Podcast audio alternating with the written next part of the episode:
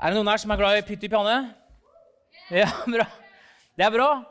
For jeg tror den preken her den er litt pytt og panne-preken. Jeg har tatt litt det beste av litt diverse, klemt det sammen. Og så har jeg trua på at Den hellige ånd blir som smøret, som bare sørger for at det blir suksess uansett. Så det blir en rød tråd. Eh, jeg, å, eh, jeg har fått en tittel. Jeg liker det for min egen del. Det er litt fordi jeg bare lager tankekart. Men hvis du har med notatbok og har med Bibel, så er tittelen 'Er det noe mer å hente?' Og Jeg kommer tilbake til tittelen om lenge. Men, eh, men, 'Er det noe mer å hente?' er tittelen. da. Og det kommer litt etter hvert. Mm, men hver mandag hvis ikke vet hvem jeg er, etter Marius, som jeg sa i stad, akkurat nå så sitter jeg i lederskap her i 316 sammen med Marte Meyer og med Rune, som var her i stad. Runasen. Vi tre vi samles hver mandag kveld fra klokka kvart over åtte til klokka ti. Eh, og det går alltid lenger, selvfølgelig. Men eh, vi møtes da og, eh, og prøver også å lede denne kirken her da, på best mulig måte. Eh, og det starter vi alltid da. Det er sånn eh, etablert eh, rutine tror jeg, fra gammelt av. Det er at Da starter vi med at vi ber sammen, alle sammen. Det går på rundgang. Alle ber høyt. og det er ofte en veldig sånn sterk opplevelse. Sterk opplevelse, Det er kanskje veldig sånn kristent uttrykk. Men det er den følelsen hvor du bare sitter i rommet og tenker det, det er noe annet i det rommet her enn det var i stad. Når vi kom. Atmosfæren er annerledes. Jeg kjenner at det er noe annerledes. Jeg ser kanskje på Rune litt annerledes enn jeg gjorde da jeg kom inn. Ser på Marte litt annerledes. Kjenner at jeg er glad i dem. Kjenner at vi er søsken, og vi bryr oss om hverandre. Det er litt det jeg legger i en sterk opplevelse. da. Og Det som jeg syns er utrolig eh, fascinerende når vi møtes, det er at det er særlig to fokus som jeg ser går igjen. Og Det er både når vi ber, men også når vi har samtale. Og det er at det er sånn, eh, og Jeg sier ikke det for å skryte av sjøl, men bare tenkte jeg skal gi deg innblikk i det allikevel. Men at det, det er en veldig sånn ydmykhet i at vi ønsker å lede 316 uh, eh, etter Guds hjerte. Det er veldig, det er veldig sånn, vi, vi, ber ordentlig desperat om at, vi må, at det må være Guds plan. Det må være Gud som er i det vi gjør, de avgjørelsene vi tar, i, i det vi står i. At det må være Gud i det. Um, og vi må være lydhøre for hva han ønsker, at det ikke blir noen sånne hellige kuer. Men at vi skal Yes. Det her er hans verk. måte. Og så er det en enorm omsorg for dere, for dere som er her. Eh, dere blir bedt for hver mandag. Hver mandag så ber vi for dere. Eh, vi takker for dere. Vi er utrolig takknemlige for alle dere som går her. Det må dere vite. Og vi ønsker oppriktig bare godt. Eh, og så er det sånn at dere ledermøter det er sikkert forskjellig. er de er. Noen ganger er det brannslukking, og andre ganger kan du se framover. Og så har vi opplevd det siste at vi har hatt veldig mulighet til å kunne se framover. Eh, og, og, levd oss litt gjennom 2024, da, året som ligger foran. Det, året går jo snart mot slutten. Dere må si fra hvis jeg snakker for fort. Jeg pleier å få beskjed om det på konfirmasjon. At dere pleier å være som heter uh, Amine. Hun pleier å begrense meg og rekke opp hånda. og da skjønner jeg at begrenser meg. Så dere får, dere får være, bare si fra hvis jeg snakker for fort. Men vi har sett på 2024. Og så har vi bedt, eh, diskutert og knytte opp et årshjul opp mot Visjon til 316. Og Hvis ikke du vet hva det er, så skal du få det nå. Visjon til 316, den kirken her som du går i, eller er nå på besøk hos, det er en forandra menighet, en forandra by, gjennom barn og unge. Og så er det noen som syns at den siste, strøf, den siste, setningen er litt sånn ja, Så den noen sier en forandra menighet, en forandra by, med fokus på barn og unge. Det er samme for meg hvilken versjon du tar. I dag så kommer det til å være fokus på en forandra menighet. Det kommer til å være fokus på deg og meg, og det kommer til å være starten på 2024. Så er det det vi ønsker å legge trykk på. Eh, opp mot at temaet er det noe mer å hente, egentlig. Eh, er det et potens uforløst potensial for, for meg som enkeltmenneske og for oss som kirke å gjøre et dypdykk på det? For det, det, må jo skje noe her før vi kan begynne å gå ut og forandre byen. Jeg synes jo det er, jeg merker på meg sjøl eh, jeg er jo varmere mot de menneskene jeg møter etter hvert på gudstjeneste her, enn jeg kanskje er fredag rett etter jobb, og det er kø og det er styr. på en måte. Eh, da, da er det, det handler, eh, Jeg merker for min egen at et varmt hjerte lettere å bety noe for andre. Så jeg har hatt veldig tro på at vi må begynne med hos oss, og så skal vi kunne klare eh, å kunne forandre byen sakte, men sikkert. Fredrikstad. Jeg elsker iallfall Fredrikstad. Jeg håper du gjør det òg. Du elsker alle som bor i Fredrikstad. Det er byen som vi har kirke i, som vi ønsker å påvirke. Så hvordan gjør vi det, da? Hvordan skal vi ta oss og, hvordan skal vi bli en forandra menighet? Hva er det det begynner med, egentlig? Eh, og så er det, er det, sånn at vi skal vi bare fortsette med det vi gjør. Skal vi fortsette som før og bare håpe på at krona faller ned til slutt? Og så er det en, en eller annen kar, jeg vet ikke hvem han er, men han sa noe sånt her. Nei, nå har jeg bedt om vekkelse i 30 år. Jeg tror jeg bare begynner å gjøre noe i stedet for. Ja. Og det er litt uh, det vi har tenkt. Vet du, Vi gjør noe helt nytt. Hæ? Hva er det du sier for noe, sier du kanskje? Jeg er ikke noe glad i endring. Nei, vi skal slå oss sammen med Nei da, jeg tulla. Nei, vi skal ikke slå sammen noe. Hvis du vil ha et annet resultat, så må du gjøre noe, gjøre noe annet. Så enkelt er det bare. Så vi har tenkt, hold deg fast nå, vi klemmer til på nyåret med en felles eh, Daniel-faste. Selvfølgelig typisk at jeg hadde preken i dag om Daniel. Eh, skal si navnet hans sånn 20 ganger i preken. Skulle egentlig hatt preken forrige søndag, men det får bare være. Jeg snakker nå om Daniel i Bibelen. Gamletestamentet. Daniel i løvehulen. Daniel eh, med de tre vennene sine, eh, er, hvis du har lest om dem. Hvis ikke, Daniels bok anbefales. Daniel-faste. Hva om vi som kirke eh, Selvfølgelig, Vi er jo ikke tette i lederskap heller, og vi er glad i julemat, vi òg. Så vi begynner ikke 1. januar. Du skal få den første uka til å spise opp restene, til å bli litt lei, kjenne at buksa strammer litt, så du har litt eh, menneskelig motivasjon nå.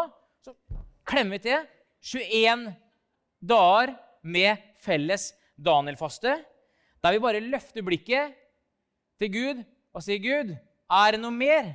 Er det noe mer for meg? Er det noe mer for kirka vi går i? Hva er det Gud vil for deg i 24? Hva er det han vil her i kirka som du går? Og Daniel-faste det er ikke sånn, det kan si litt om det. Det kommer til å masse informasjon om det. Men det er ikke, det er ikke faste-faste. Det er ikke sånn det er ikke bare vann.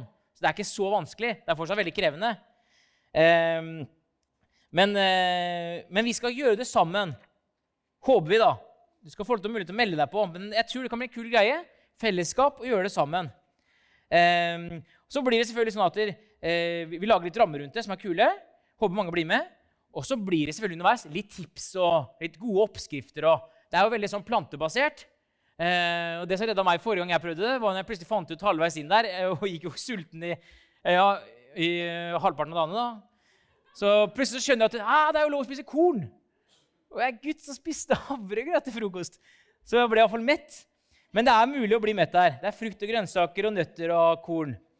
Men ikke, ikke melk og egentlig ikke kaffe heller. da, men jeg skal ikke snakke om Det nå. Det får, vi, det får du føle på sjøl. Det spørs hvor mye du vil ofre. Så kommer med litt tips underveis. Men det er jo sånn at mat jeg vet ikke hvordan det er med deg, men mat er jo liksom man kan gjøre man kanskje kjeder seg litt. og sånn. Ehm, men da er det viktig å ha litt, utfordringer underveis. Så vi kommer til å ha tre litt sånn challenges, utfordringer, som, vi, som, kommer ut hver dag i 21 dager. Og det er lagt opp sånn som det her. Eh, for at Noen av dere er sikkert kjempegode på å være veldig åndelige. Noen er kjempegode på det mentale og mindfulness og hviler og klemmer trær og er helt der. Og så er det noen som er sikkert kjempegode på å trene. Ikke sant? Så vi, må ha, vi skjønner at det er en saueflokk her som vi skal favne alle. Så vi deler opp da i tre utfordringer du får hver dag. Du får én åndelig utfordring. Skal du få én mental utfordring. Skal du få én fysisk. Lurer du kanskje på hvordan ser det ut?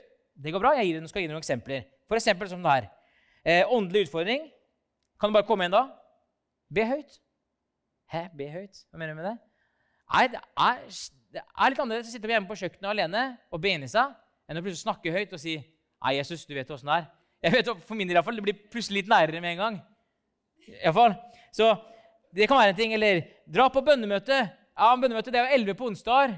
Ja, Avspasere to timer, da vel? Ja, kanskje gjør det. Avspasere for å dra tidlig på hytta. Kanskje man skal gjøre det? Ta og gjør det. Og der, der, sier jeg bare Der er det trøkk om dagen. altså. Det må jeg lov å si. Det er ikke bare tre stykker som møter opp der lenger. Der er det opp mot sju, åtte, ni stykker, og det er den gjengen. Hæ?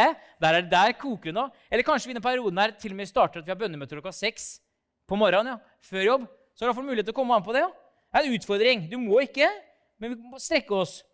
Eh, og en, en mental utfordring kan være å legge deg senest klokka ti. Det er bra for deg mentalt. det. Det er noen forskning som sier at søvn er viktig. Kanskje vi kan til og med ta med oss det inn i livet vårt. Eh, kanskje du skal slette Instagram for en dag. Kanskje vi bare skal ta oss og plante noe. Bare ta fram jorda og bli litt møkkete og plante en eller annen blomst, så du kan se og nyte til sommeren. Eh, starte dagen uten å sjekke telefonen først. Små sånne challenger. Eh, fysisk ta 30 spenstopp. jeg vet ikke, Spurt fem minutter, alt du kan. Eh, gå 30 minutter. Power, eh, bodde noen måneder i USA, og da var det veldig populært med dere, prayer walk. Prayer walk. Og Da gikk de ute i en time, og så bare ba dem. Da fikk de liksom trent og fikk bedt samtidig. Det var veldig trendy. Så gjør gjerne det. Kanskje skal tøye ut òg. Strekke ut litt på morgenen. Mye stive kropper. Kommer litt sånn underveis der. Og det jeg tror, da, det jeg, eller vi, da, det vi har troa på, at hvis vi får med alle, hvis dere blir med på det her, de 21 dagene der det er uvant altså, hva vi kan få erfaringer. Og, vi, og jeg tror det kommer til å komme troshistorier, oppleves underveis. Og vi kommer til en sånn delingskultur hvor vi får liksom ordentlig kickstart på nyåret. Og det er ikke noe ubibelsk, tenker jeg, da, med at man kan liksom tenke Nei, nyttårsforretter, og skal begynne med nytt. Liksom. Ja, men Deilig å starte fresh noen ganger. Starte på nytt. Det er bra. Jeg har tre kjempeknall bibelvers på det som jeg skulle lest for dere, men jeg fikk ikke notert det ned. Så, men det, da vet dere det. Det fins veldig mye bibelvers om det. Det er bra. Det gikk litt unna. Ok, Det kan jo bli så bra. Jeg har så forventning. Eh, som sagt, Det kommer mer info, men jeg håper at, det, at du blir litt motivert av det. Eh, og hvis du ikke blir det, jeg skjønner det òg, men jeg skal fortelle, da er det noe for deg også. Det er pytt i panne. Du skal få noe, du òg. Eh, og så tenker jeg, Det er noe med det, at, det, at det er fellesskap, og vi gjør det sammen. Vi vet at Jesus han, han, øh, han døpte seg, og vi, øh, due kom fram, og de fikk si treenigheten en av få ganger i Bibelen. Han var helt på topp, rett ut i ørkenen, og ble frista av djevelen. Og han klarte det. Men dere, vi er ikke Jesus. vet du. Vi er ikke Jesus. Vi klarer ikke å gjøre det alene. Vi må gjøre det sammen. Vi må stå sammen eh, i det her. Vi trenger hverandre. Og til og med Jesus trengte vennene sine i de siste timene før han skulle dø. Men de sovna i stedet for å be sammen. Så jeg tenker, ikke vær en som sovner. Stå sammen med de brødrene og søstrene som trenger hverandre. For det kan godt hende at du ikke trenger Daniel-faste, men kanskje naboen din trenger det. Kanskje partneren din trenger det. Kanskje kollegaen din trenger det. Kanskje kirken din trenger det. Så ikke tenk at du, du ikke nødvendigvis må være med på det.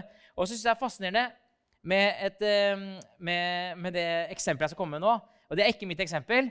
Det er han som heter Michael Thomassen. Han er uh, hovedtrener for Fredrikstad fotballklubb. Uh, A-lag. Og han har et bra bilde. Han er rå på å bygge lag. Og hør her. Det her synes jeg er så spesielt. Jeg skulle hatt på tavla, så dere kunne se det visuelt. Men verdensrekorden på 100 meter sprint herre, det er 9 sekunder 9,58. 9,58. Det er verdensrekorden. 9,58. Ok? Men vet dere hva verdensrekorden på 100 meter stafett er. Det kan hende dere er mye smartere enn meg. Men da jeg hørte det første gangen, tenkte jeg ok, hvis Bolt løper på 9,58, så løper han med de tre andre der fra Jamaica. De er raske, dem òg. Men det er i hvert fall litt over 40, tenkte jeg. Det må jo være det. Er det flere som følger meg på det resonnementet, eller? Nei? Jo. Verdensrekorden er ikke det, vet du. Han er 36,84. Og hvis det er god hoderegning, da, så skjønner du at hvis du ganger Bolt sin tid med fire, så er det halvannen sekund raskere. Hæ?! Åssen går det an, da? Det er jo selvfølgelig for at noen løper foran. Du, du løper jo inn i fart. Du står jo ikke sånn, vet du. Du får jo med deg farta inn. Du ligger i dragsuget. Så Bolt han blir bare skutt ut som en rakett fordi noen bærer foran og løper foran. Det er jo effekten av lag. At vi går foran. Og det er jo derfor vi løfter opp barn og unge. Det er fordi at de, de er jo fremtida. De skal jo en gang ta stafetten min, stafettpinnen min. Hvis jeg bare gjør sånn og sier nei, orker ikke barneskikkopplegget oppi her. Jeg vil ha Israel, og jeg skal ha bønnemøter, og jeg skal ha det, jeg skal ha det, og jeg skal i hvert fall ha trekkspill på scenen. Ja, det er helt konge. Du får en kjempetappe. Du får en kjempetappe. Men Fred og Per, de får mine barn, de får ikke det. De syns ikke det er noe spesielt artig. dem. Så jeg må løpe foran, jeg òg. Og det er det vi må tenke som kirke. At vi, vi, må, ligge, vi må, hjelpe hverandre du må, og dra, og du kommer til å kunne ha en stafettpinne resten av livet. For, tenker jeg. For at det er en, jeg må si det, uh, Hun er vel nest eldst i kirken her nå. Men Bjørg Hai altså Når Bjørg Hai når hun legger hånda på meg og ber Det er siste etappe, altså. Det er Usain Bolt. Det er ikke Asafa Powell, det. Det bare smeller til. Jeg kjenner i kroppen. Guttene. Hun må iallfall ikke slippe den, den stafettpinnen der. Et rått menneske. Så Du må tenke at du har, du har en stafettpinne som du løper med, og som blir totalen. Laget blir alltid bedre. Barn og unge, les. Jeg må si det også. Jeg sa det forrige gang jeg gjorde et eller annet, men jeg tenkte mye på det òg. Og det står jeg for fortsatt. Eh, den generasjonen som kommer etter oss kan si, Du kan si og mene hva du vil om den, men den er jo resultatet av generasjonen som er foran. Og av den som er foran der igjen. Så jeg kan være så fortvila jeg vil, jeg over, eh, over, Fred og Per, barna mine. Men de er jo et resultat av, eh, av eh, hvordan, jeg, hvordan, jeg, oppfører meg. For bare, Nå bare spør, løfter jeg en tanke, da, og det er veldig preken til alle, tror jeg. Men jeg, jeg føler i hvert fall er veldig preken til meg.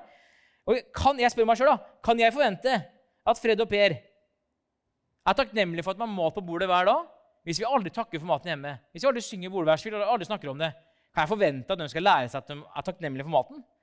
Kan jeg, lærer jeg dem at kan jeg forvente at de skal be for maten når de blir voksne? Hvis jeg ikke gjør det? Kan jeg forvente at Fred og Per ser verdien av å lese Bibelen? Hvis det aldri ligger en bibel framme hjemme hos oss, de aner ikke hva det er. Og det må jeg si dere, og det er ikke for å ta noe helt tatt, men jeg er jo konfirmantleder. Og eh, en, en konfirmant i dag han syns det er veldig vanskelig å lese Bibelen. Og det, det tror du kanskje ikke sjøl, for at vi har vokst opp ved at vi har eh, Bibelen med sånn marihøne på, på, på, på, skolen og sånn. Jeg har ikke det lenger. Så det er kjempeproblemer med å finne fram, finne fram og tråle rundt i Bibelen. Så jeg ville bare tatt en eh, sjekk hjemme hvis du har en pode som er eh, ja, mellom 7 og 18. Sett sammen, les Bibelen. Og hvis du tenker, plukk deg ut fem historier og tenker det her kan garantert Nei. Jeg er overbevist om at dere i hvert fall bommer på minst én av fem. Eh, ordentlig sånn oppvokst kirkegutt som jeg har vært konfirmantleder for. Jeg eh, hadde aldri hørt om eh, David og Goliat. Han vokste opp her i kirken. Jeg hadde aldri hørt om David og Goliat. Det er jo lett å glemme, ikke sant? Nei, men, nei, den historien har jeg hørt 15 ganger. Jeg orker ikke høre mer om det opplegget der. Nei, men det kommer noen etter. Du kan ikke slippe stafettpinnen, for det kommer noen etter som ikke kan historien. Med mange gode poeng. Kan jeg forvente at Fred og Per syns det er viktig å dra på gudstjeneste hvis jeg ikke prioriterer det sjøl? Kan jeg forvente at Fred og Per gir tiende hvis jeg ikke har lyst til å gi det sjøl? Kan jeg forvente at Fred og Per syns kirke er viktig hvis ikke det er så viktig for meg? Det er jo spørsmål som jeg stiller meg sjøl. Der vi, vi går foran og tenker at det er smart å ha med seg det eh, inn i hverdagen og eh, tenke litt på det da, inn mot eh, nyåret. Nei, Vi må ha varme hjerter, og vi må ha påkobla Jesus. Det skylder vi den generasjonen som kommer etter. Eh, de skal få den stafettpinnen i fart med flyt, så de vet hva de skal gjøre eh, der framme når det kommer neste generasjon. Jeg har snakka om det her før òg, men jeg syns det er så rått å tenke på at de som var der for meg de, Jeg har mange eksempler på det.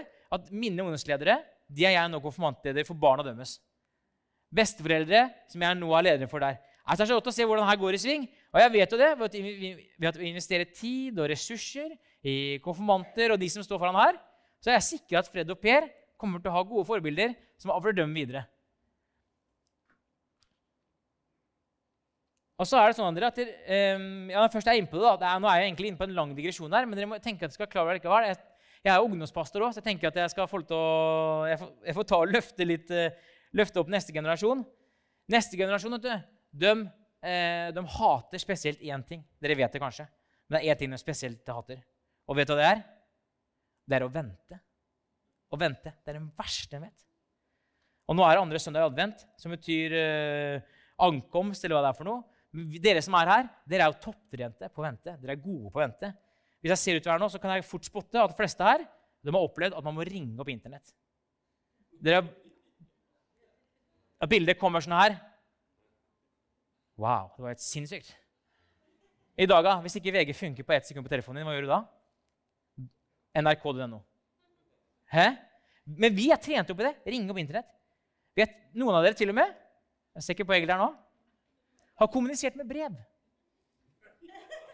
Du vet ikke når du får svar. Du må bare vente. Du er god på å vente. Eh, jeg vokste opp hjemme hos oss. Da var det sånn at nei, det var lønn til uka. Det var ikke penger på konto. Det var ikke noe mastercard. Jeg har ikke vokst opp med hjemme. Kredittkort.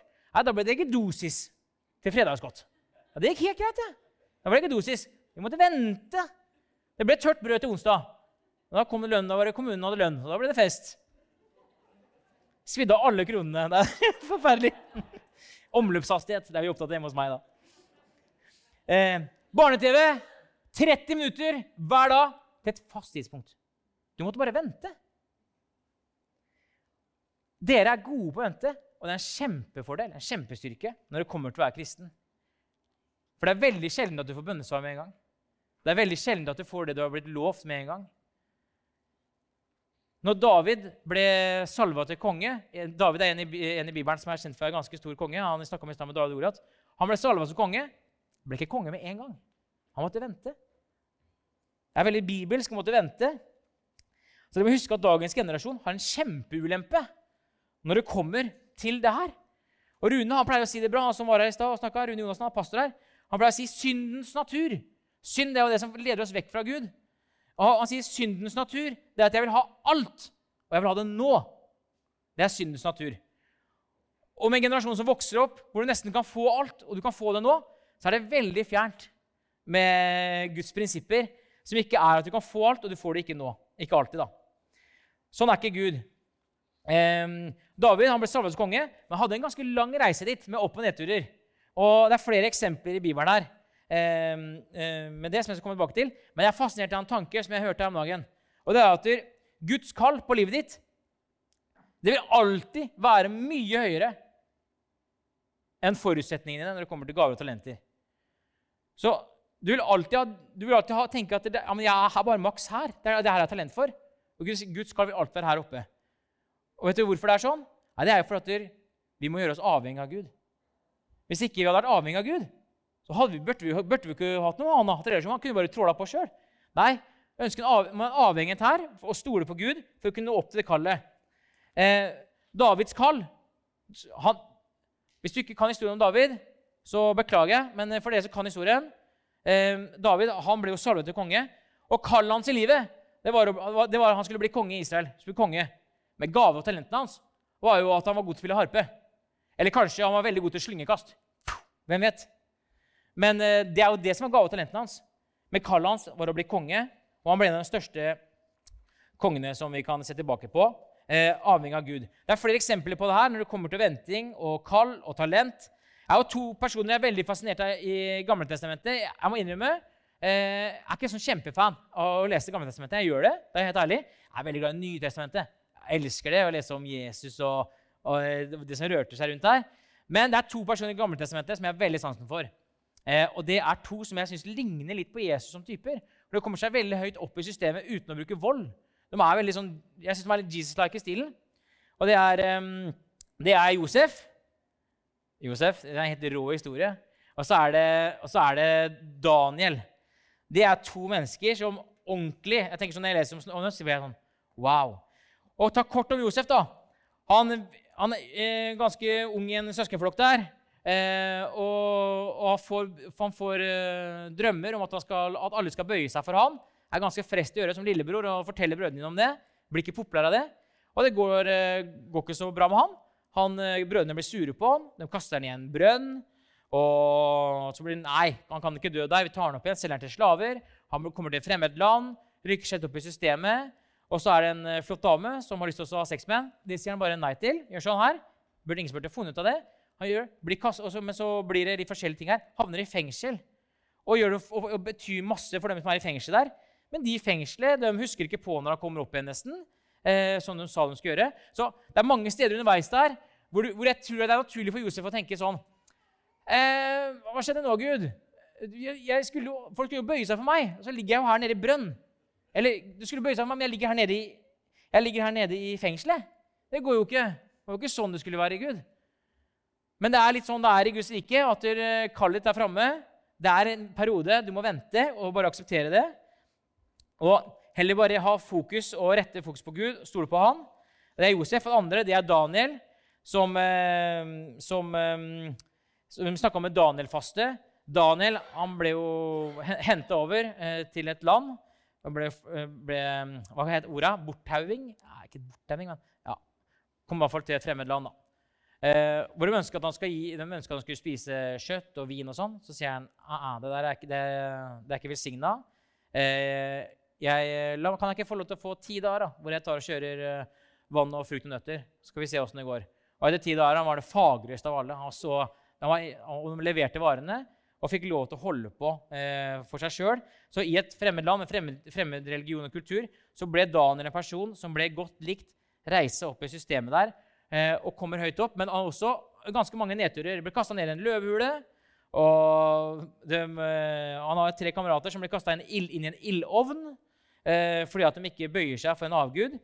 Eh, som sier ja vel, hvis eh, får være sånn, vi bøyer oss ikke uansett man retter man blikket på Gud. Eh, altså Det er veldig fascinerende. da. Jeg har jo ikke, jeg har prøvd å sette meg inn i situasjoner hvor jeg står der og skal bli kasta ned i en løvehull. Liksom.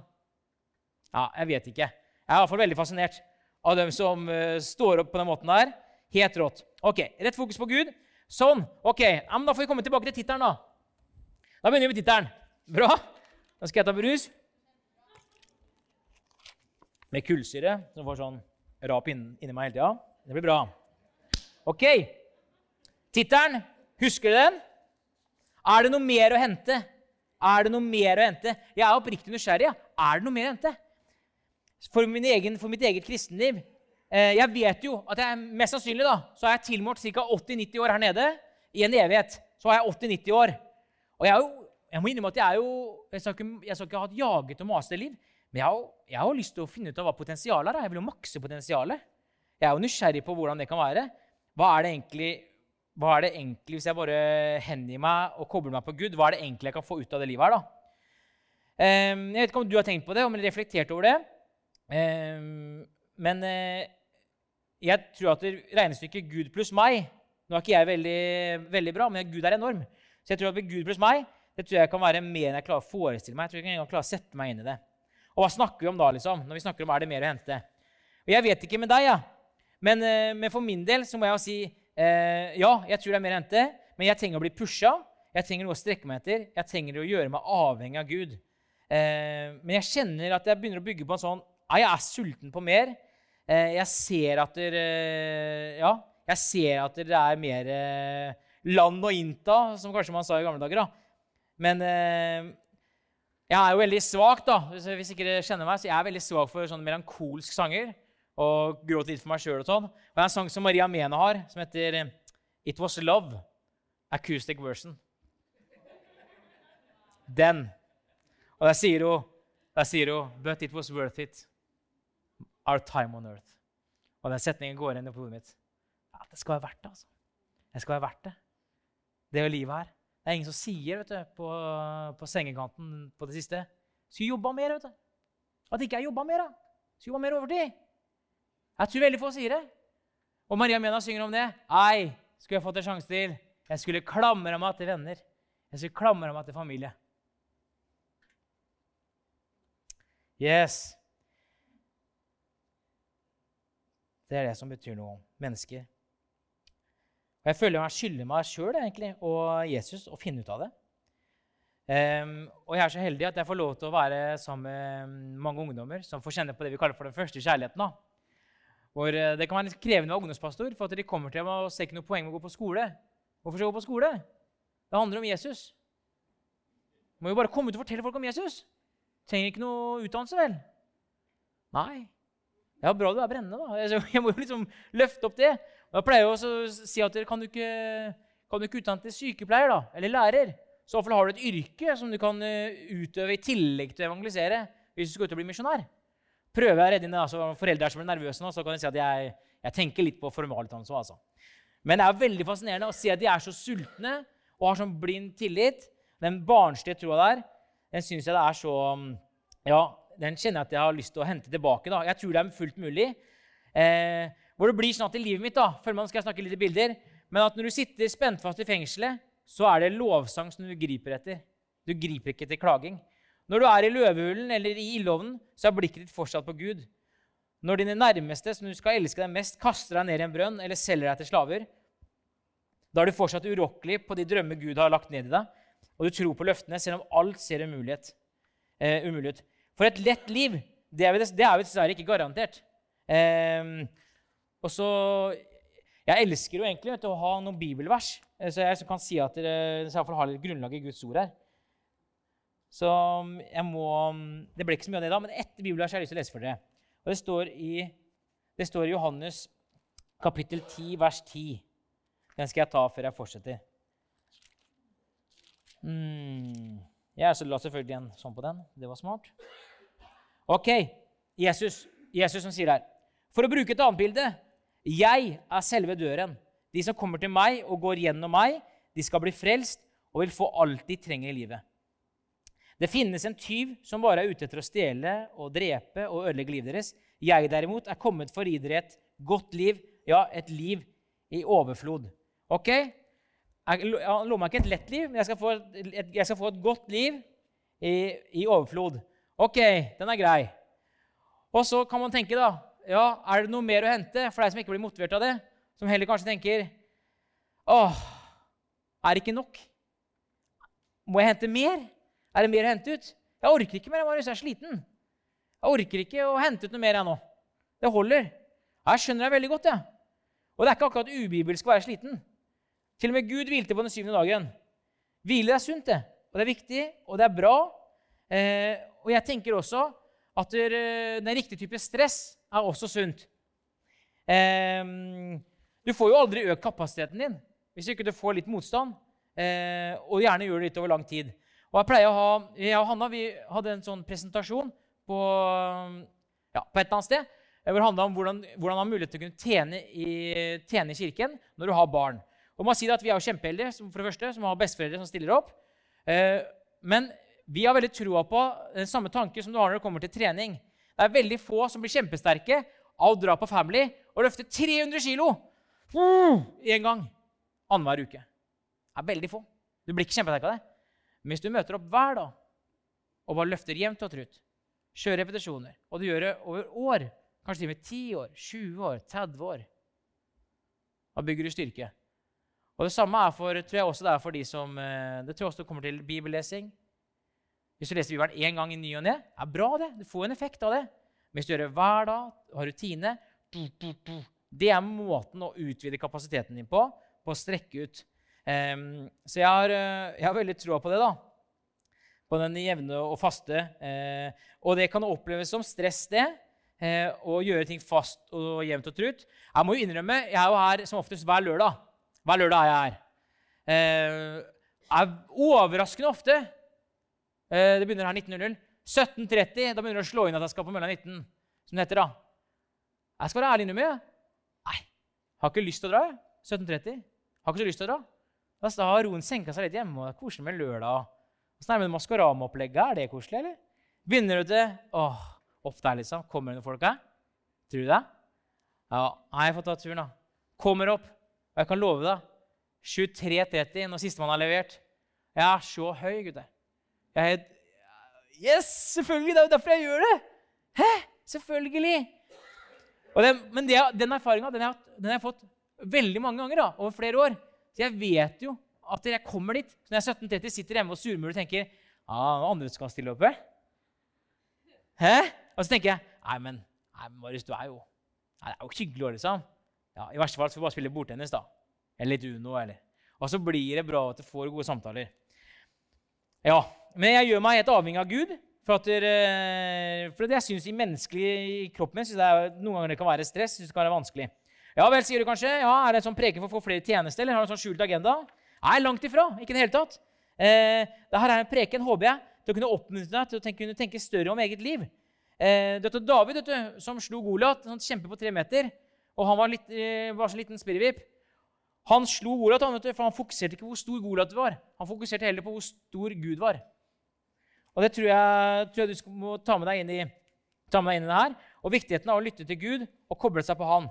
Eh, og Det kan til og med hende altså, eh, at du, eh, du er kjører Daniel-fast i januar og kjenner bare at jeg har ikke noe veldig hjerte for egentlig barnekirken, eller lovsang eller kafétime eller ja, til og med kanskje ikke nettverksgruppe.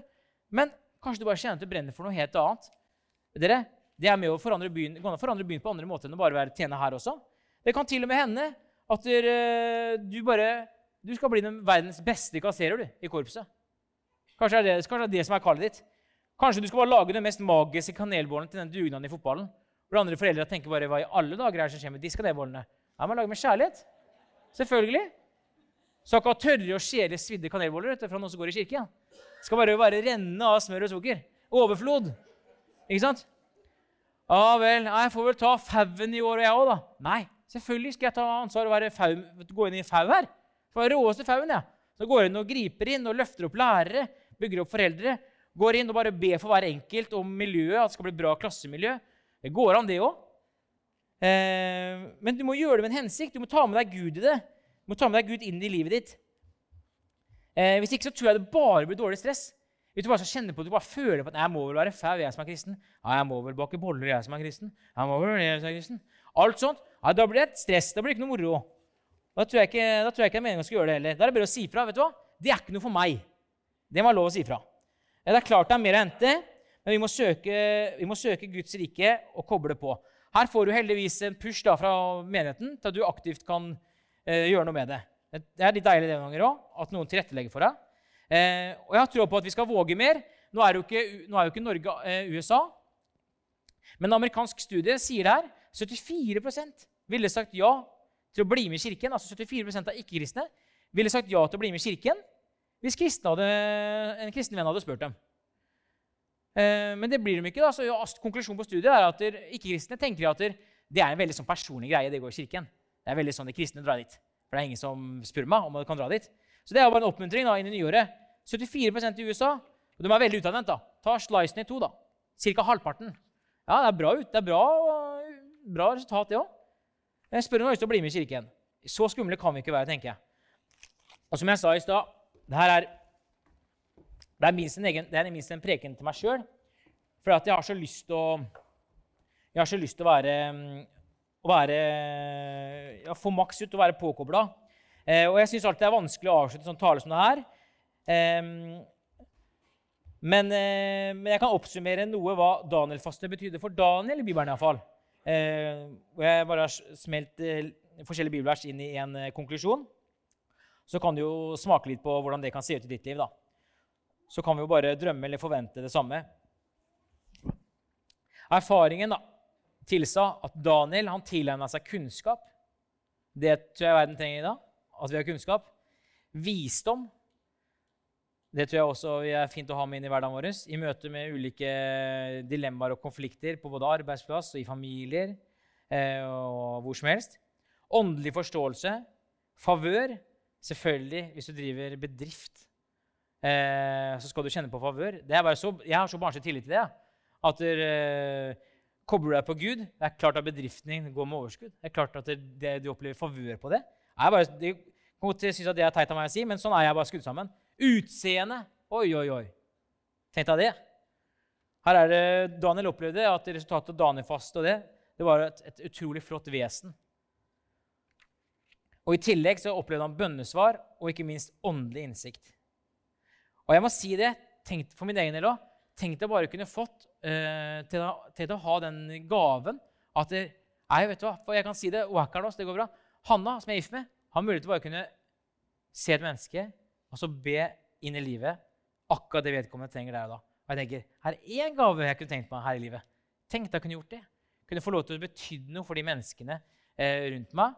Eh, men du gjør deg jo helt avhengig av Gud. Jeg vet det, Han er jo kvalm hver gang hun går bort til det mennesket hun skal gjøre det med. Hun gjør seg jo helt avhengig av Gud. Kallet er jo der, og gavene er der. Hun gjør seg avhengig av Gud, går bort og får sterke opplevelser med det. Og Det er mange sånne ting du kan søke, da, eh, og som jeg tror at vi kan få hvis vi søker å koble oss på Gud. Og Et middel for det her det er Daniel-faste. Kan gjøre det på andre måter, men vi har valgt å gjøre det på den måten her. Så jeg håper du har å bli med på det med nyåret. Tanken med Daniel-fasten det er at du skal sette all mat til side, fokusere på å spise plantebasert eh, som en slags lovsangshandling og et offer til Herren, eh, så tror jeg vi kommer til å få en kjempeboost på 2024. Vi har holdt på i 20 år, og jeg ser så fram mot framtida. Det er et sånn solid fundament som har blitt lagt der. Eh, men det er alle vi som er ute i menigheten. Det er hvordan vi kobler oss på, hvordan vi bygger kulturen, som avgjør. Hvis alle velger å gjøre sånn her under lovsangen og ser litt sånn skeptisk ut oppå Tora Millestad To på lovsangen. Burde vært tre stykk, eller? Skjønner du? Ja, det er greit, det. Ja. Ikke sant? Det blir, det, da blir det kulturen. da. Da skaper men vi er med og løfter opp liksom, og lovsynger og takker for alt vi har å takke for, er jo masse vi kan be om. det er masse som er tragisk, Men det er mye å kunne takke om òg. Hvis vi begynner å gå gjennom lista der under lovsangen, noen ganger så gjør jeg det, bare tenker og begynner å takke. Jeg kan ta tre ting. tenker jeg. Stopper ikke før sangen er ferdig. Er så mye å takke for. Og Det er en bra trening for oss, tror jeg. Så jeg håper at du, at du kjenner at du er motivert og inspirert for et nytt år. Eh, og bli med på det. Og hvis du kjenner deg sliten, ja, bli med på det likevel. For at det kommer til å bli tilrettelagt for deg på den måten også. Med hvile, og at du skal få den biten der. Så håper jeg at vi bare går inn i 2024 som en enhet og støtter og løfter opp hverandre som den familien vi er. Eh, det er Guds tanke. Yes, Vi gråter sammen, og vi ler sammen. Yes. Jeg avslutter med å be. jeg. Takk, Jesus, eh, for at du er her. Takk, Helligånd, for at du er her. Jeg ber om at det som ble delt fra meg her nå, at det treffer hjertet eller øret. Jesus, du ser at jeg, Jeg føler at dere stilte meg fram og delte akkurat det du ba meg om å dele. Takk for det, Jesus, at dere, vi har mulighet til å kunne bare koble oss på deg. Det handler ikke om hvor eh, enorm jeg er til å kunne stå her. Det handler bare om at jeg stiller meg fram, gjør meg avhengig av deg, Jesus. Så blir det sånn du tenker, Jesus. Takk for at vi våger å kunne tenke det om vårt eget liv. Om det er på hjemmebane, eller om det er på jobb, eller hvor det måtte være. At eh, vi tenker at eh, det er mer å hente. Det er et enormt potensial på hver enkelt her inne. Alle her inne, uansett alder, har et enormt potensial på livet sitt. Og du ønsker oss et liv i overflod. Du ønsker oss et liv i overflod. Og hva det betyr, eh, Jesus, det kan bety så mangt. Det kan være like mye helse som kanskje det som er suksess i verden i dag. Takk for at vi får lov til å bo her i Norge, hvor det ikke er krig. Vi har rent vann i springen. Vi legger oss som oftest aldri sultne. Vi har system som fanger oss opp når livet tar en retning. Og vi har, eh, vi har et system som er eh, Yes. Vi har et system som fortsatt er bygd på dine prinsipper, Jesus. Det er fortsatt et kors i flagget vårt. Takk, Jesus, for eh, at du har gitt oss Fredrikstad som by, som vi kjenner at vi brenner for hjertet vårt, Jesus. Jeg ber om at alle som er engasjerte i fotballag og i håndballag og i korps og frivillighet, Jesus, der de er utenom kirka, at de skal kjenne at de kan ta med seg deg inn i det. At de skal kjenne at de skal kunne bety noe der ute i byen. Takk for at du elsker Fredrikstad, og du elsker Fredrikstads befolkning, Jesus. Jeg ber om for alle andre kirker enn 316 også, Jesus, at de skal ha åpne dører og våge å kunne bare elske sin neste. At det skal bare lyse, at det skal være en varm atmosfære rundt alle disse fantastiske bedehusene, kirkebygga og menighetsbygga som er her i byen, Jesus. Sammen så er vi sterke, og du Yes. Yes. Takk for det, Jesus. Jeg ber om at vi, at vi når vi våkner opp hver dag, Jesus, at vi takker for dagen som vi har fått. At vi har liv. At vi har fått nok en dag til å kunne være her nede, Jesus. Og ber om at vi skal få legge dagen i dine hender og kunne gå i feilaktige gjerninger. Og at vi våger å kunne kjenne på eh, det spennende i det uvisse med å leve med deg, Jesus. Men at vi skal eh, få erfaringer som tilsier at vi bare ønsker å få mer og mer av deg, Jesus. Yes. Takk for alle som er her, Jesus. Takk for alle som er på barnekirken. Amen.